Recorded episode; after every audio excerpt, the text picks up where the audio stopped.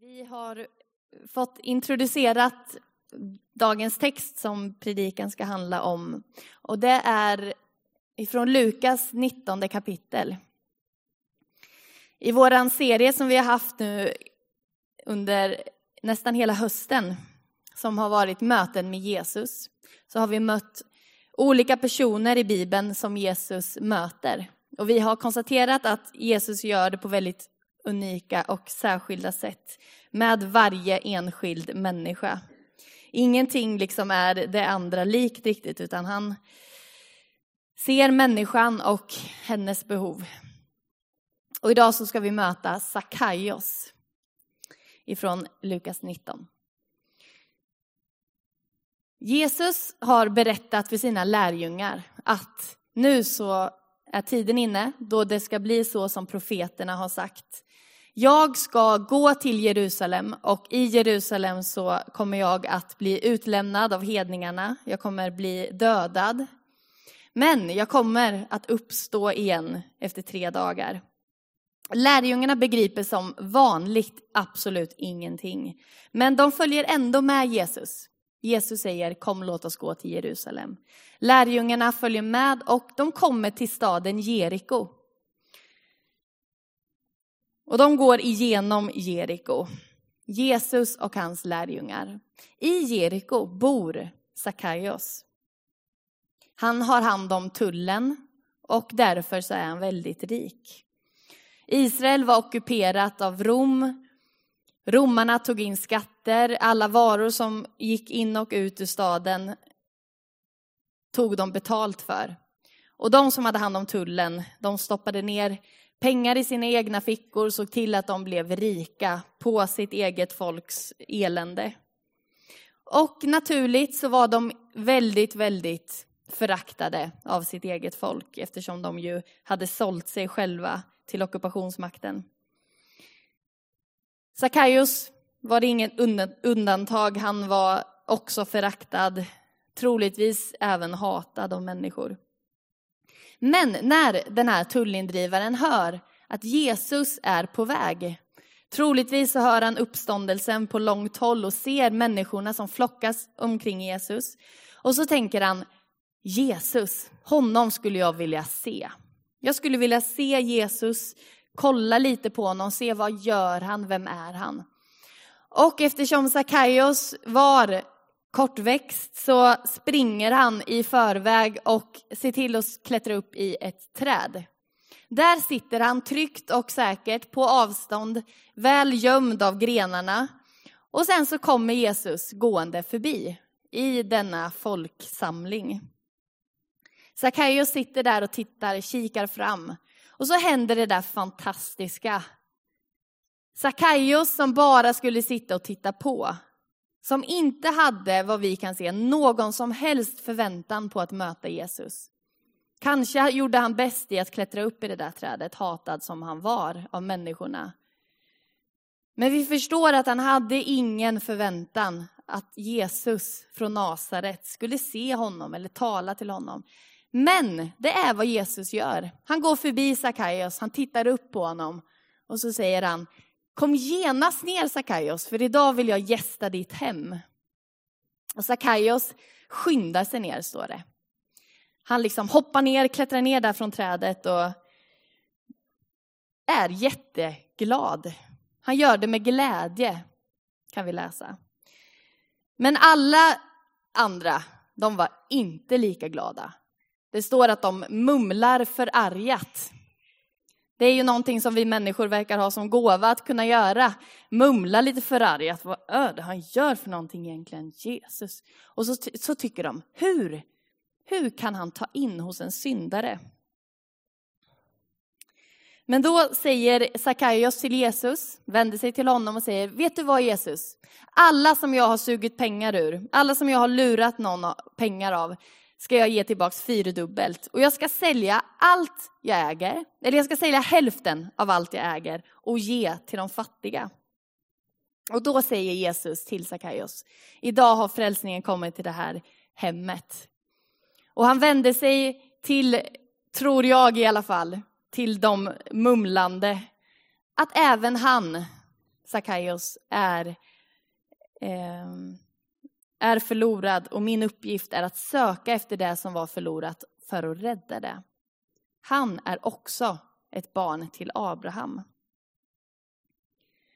Jesus tar parti för Sackaios och säger han är också Guds barn. Han tillhör också mitt folk.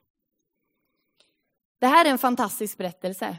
Nu har jag gett, återgett den i en snabb form. Ni får gärna gå hem och läsa den också. Men jag vill stanna till vid några saker i den här berättelsen som jag tror får också tala till oss idag. Det första är att Sackaios sitter i ett träd. Det andra är att Sackaios går ner från trädet. Och sen är det vad Jesus gör i Sackaios liv. De tre sakerna. Och se vad det har att göra med oss. Sackaios hade, som jag sa, han hade liksom tagit sin tillflykt i det här trädet. För dig som har hört den här berättelsen många gånger så är det så självklart. Det är klart han klättrar upp i ett träd, det vet alla. Det har jag hört sedan jag var liten. Han var kort, han ville se. Men jag tror att det ligger lite mer i det där. Att han klättrar upp i ett träd. Han tar en trygg plats.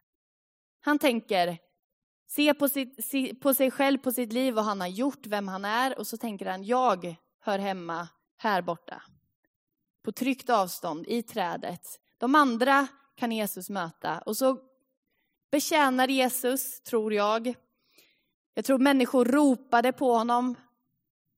Vi kan se det precis innan Sackaios berättelsen. Hur en man ropar på Jesus. Förbarma dig över mig, förbarma dig över mig. Och Jesus helar honom från blindhet. Det var nog så de flesta, tror jag, gjorde. Man liksom sökte sig till Jesus, men Sackaios gör inte det.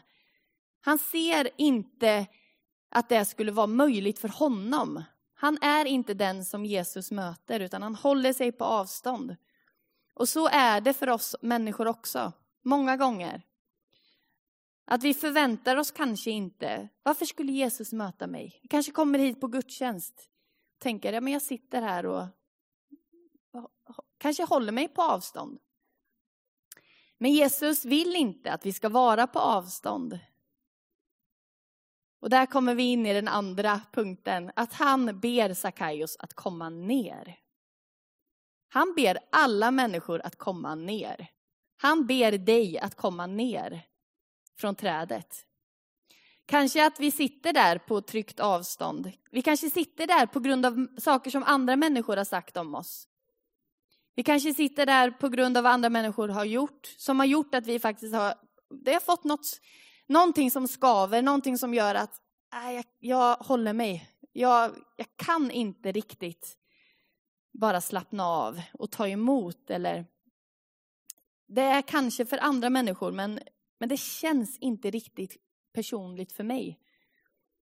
Idag tror jag att Jesus vill möta dig. Jag tror att Jesus kallar på dig. Kom ner från trädet. Idag vill jag gästa ditt hem.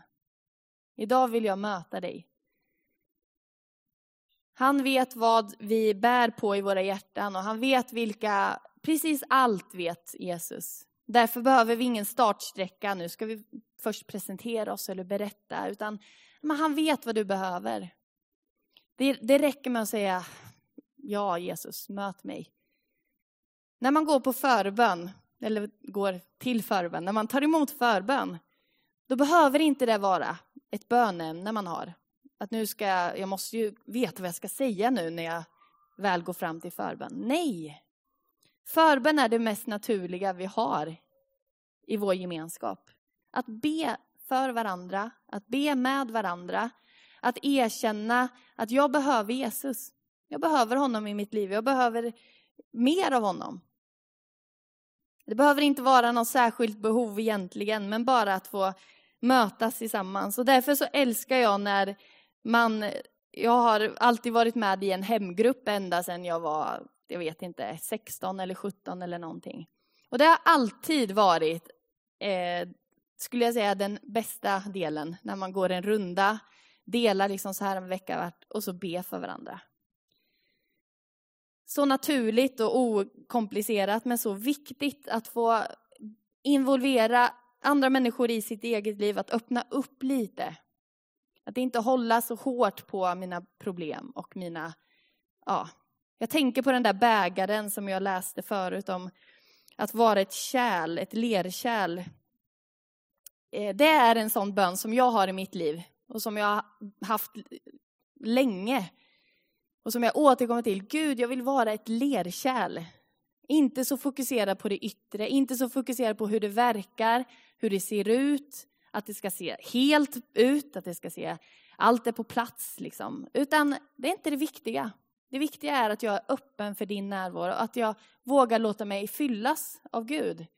Att jag vågar öppna mitt liv så liksom till Gud, att han kan fylla på med sin, med det han har och den han är. Och då är inte själva lerkärlet så viktigt.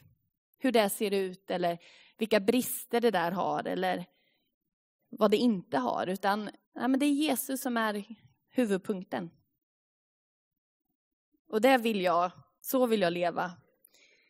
Och så hoppas jag att vi som församlingsgemenskap vill leva också tillsammans. Att våga öppna upp för varandra, kanske i förbön, men också i samtal och gemenskap. Och att våga bära varandra, att bära varandras bördor. Men Jesus söker. Han tittar inte bara på den som är närmast honom och säger Jesus, Jesus, nu vill jag möta dig, som de där människorna, utan han tittar också lite runt omkring. I Bibeln någonstans, jag hann inte slå, hitta det här precis innan jag kom på det, men någonstans så står det att Gud är, eh, söker efter det som är långt borta. Att han, han liksom är både för den som är nära och den som är långt borta. Och det där Jesus säger till Sackaios om att han tillhör också Guds folk. Det tycker jag är fint. För det gjorde han ju. Han var ju en jude, han, i och med att han var tullindrivare. Han var jude och barn till Abraham och hade liksom Guds, han var Guds, en av Guds folk. Så på ett sätt är det självklart att han var att han tillhörde Guds folk. Men jag tror det gäller dig och mig också och alla människor.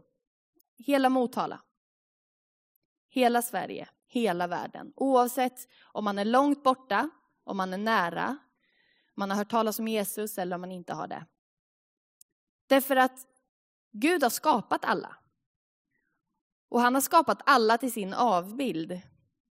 Och eftersom han har skapat alla till sin avbild så finns det en likhet hos, oss, hos alla människor med, Jesus, med Gud själv.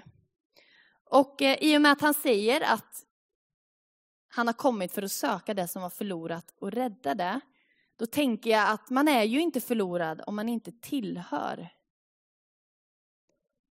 Alla människor tillhör Gud. Det är hans...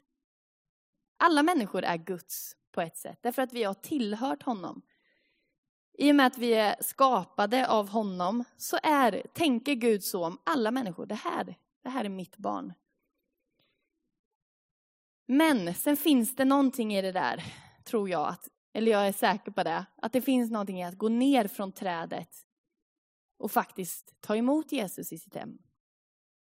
Att inte stanna kvar på avstånd, beskåda och tänka, ja, ah, men Jesus verkar vara, det här är en bra filosofi, det här kan jag använda, det här kan jag leva efter. Nej, det räcker inte. Det är inte så, det är inte sån Jesus, så Jesus vill att vi ska leva livet. Och han kallar människor som kanske står på avstånd och tittar och beskådar att komma ner. För det finns någonting i Guds gemenskap som inte går att titta på bara. Att se på hur andra har det eller läsa sig till heller, utan det måste upplevas. Jesus måste upplevas. Och därför så är det en utmaning som går ut till oss som, och till mig som har tagit emot Jesus. Att våga utmana människor som inte har gjort det, att du behöver Jesus. Du behöver ta emot honom. För jag tänker i vårt samhälle så är inte det alltid så att folk kanske föraktar Jesus eller så. Det tror jag inte. Många har, tänker att nej, men han var en bra person och jag har mött människor som, som till och med använder namnet Jesus Kristus fast i liksom, eh, healing och så vidare. För de tänker att det finns någon kraft liksom, i Jesus. Men jag tror att vi behöver ta emot Jesus. Jag tror att vi behöver bjuda hem honom, som Sackaios gjorde, hem till sig. Men det var inte Sackaios som tog första initiativet, eller hur?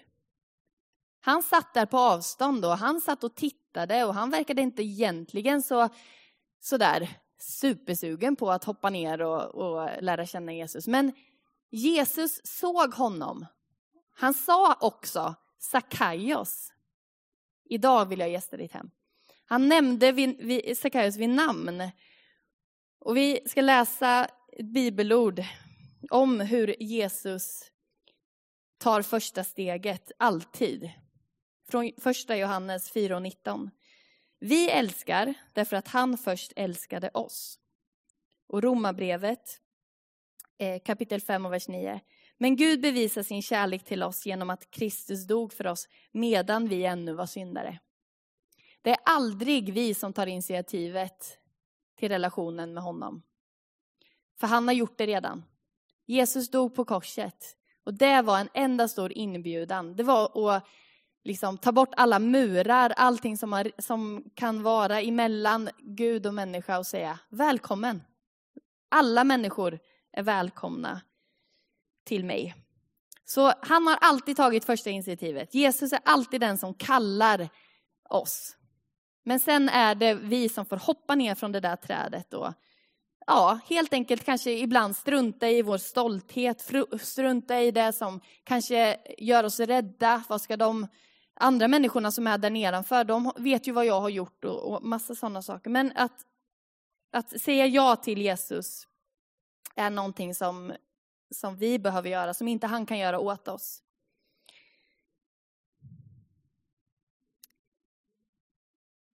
Men vad händer sen då när Jesus har bjudit hem Sackaios? Eller ja, när Jesus har bjudit hem sig själv, får vi säga, till Sackaios. Och han är där hos honom. Jag tycker det är ganska så intressant, jag måste säga det, lite mer än intressant till och med, att Jesus inte säger någonting till Sackaios om hans liv. Han nämner inte vad vi ser i alla fall i texten. Men eh, någonting händer uppenbarligen i hans liv. Därför att han säger Jesus, jag vill ändra mitt liv. Jag vill göra det här och det här. Jag vill liksom rentvå det här, mig själv. Och jag vill göra gott istället för att göra ont. Men Jesus har inte sagt någonting. Och det som är intressant är ju att även om, om han inte tillrättavisar Sackaios, vilket jag tycker på ett sätt borde han kanske ha gjort det, markera att det här är inte bra. Vi ska inte sko oss på andra. Vi ska inte stjäla. Det finns ju massa saker Sackaios har gjort fel. Men inte ett ord. Men ändå så är det någonting som har hänt i honom som gör att hela hans liv går från liksom det till det. Och bara som en liten kuriosa. Innan Sackaios berättelsen, innan Jesus liksom går till Jerusalem, så i kapitel 18 så kan vi läsa om hur Jesus möter en annan rik man. Han kommer till Jesus och säger, Jesus, vad ska jag göra för att bli räddad? Och Jesus är kärv. Han säger, sälj allt du äger, ge till de fattiga. Och mannen går bedrövad därifrån. Så vet vi inte mer. Vilken skillnad! Alltså, hur kan Jesus göra så? Hur kan han möta den människan på det sättet? Och så kommer vi till Sackaios, han är också rik. Han har ju till och med uppenbarligen blivit rik genom att stjäla av människor. Men där säger inte Jesus någonting. Och då tänker jag att Jesus möter människor på olika sätt. Jesus vet vad vi har i hjärtat och han vet vilken som behöver en tillrättavisning, vem som behöver liksom en spark i rumpan och vem som bara behöver bli sedd av Jesus, bekräftad. Sackaios, jag vet vem du är, jag ser dig. Och det gjorde förändringen i hans liv. Det säger någonting till mig som ledare och pastor. Att inte tänka, det är så här vi ska göra, utan att möta människan. Veta att ge, att ge förtroendet till Jesus att verka i människan.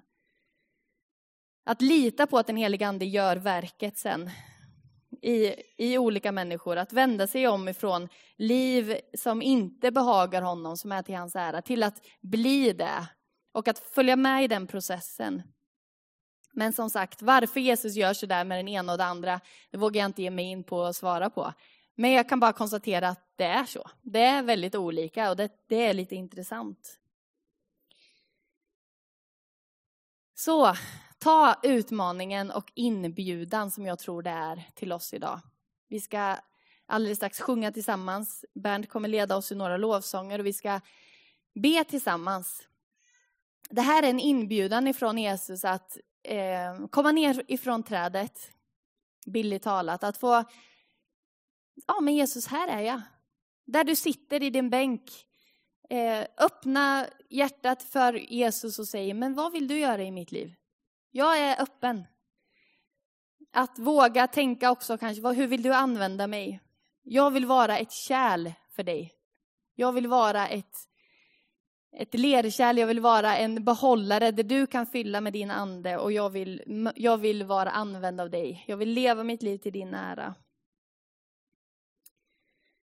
Och eh, vi kommer att göra så att vi, bjuder, att vi har förbön, för det har vi alltid på våra gudstjänster. Och det, det är någonting av det finaste jag vet är att få ta emot förbönen, att få ta emot omsorgen, för det är det också. Och få känna att någon annan bär mig upp liksom in, inför Jesus. Så vi kommer att, eh, att erbjuda det och vi har det framför, på första raden här framför korset. Till dig som, som eh, vill ha någon som ber för dig. Och, och kanske att det här har talat till dig och du känner nu, det här vill jag. Jag vill, jag vill liksom visa Jesus att jag kliver ner från min, av, mitt avstånd och få liksom ta ett steg och, och eh, bjuda in Jesus hem, hem till dig. Du är varmt välkommen att komma fram på förbön när vi alldeles strax eh, bjuder in till det.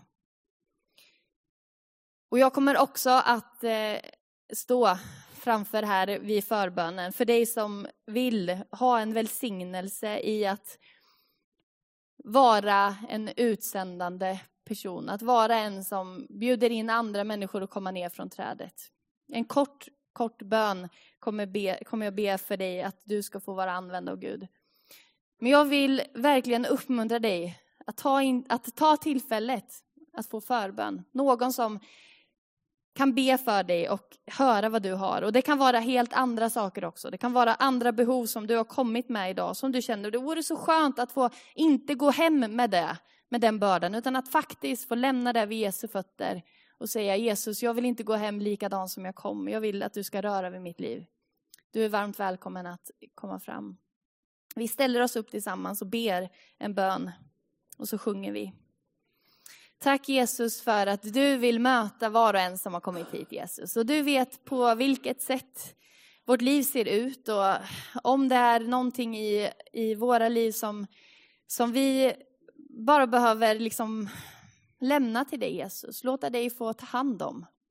Om det är sår, människor som har gjort oss illa, människor som har sagt saker. Saker som inte blev bra, som har gjort att vi inte riktigt vågar tänka att vi är en av dem som du möter Jesus. Men jag ber Herre, där vi står just nu Herre, eller när vi går framför förbön eller där vi är, att vi skulle få ta emot av dig, det du vill göra i våra liv Jesus. Herre, tack för din närvaro. Tack för att du kan göra det som, som vi själva inte kan göra, som vi själva inte kan bestämma oss för. Det kan du förvandla i oss. Helige Ande, du kan ta bort och tvätta bort synd som, som finns där och Herre, göra oss rena. Tack Gud för att vi får ta emot dig. I Jesu namn.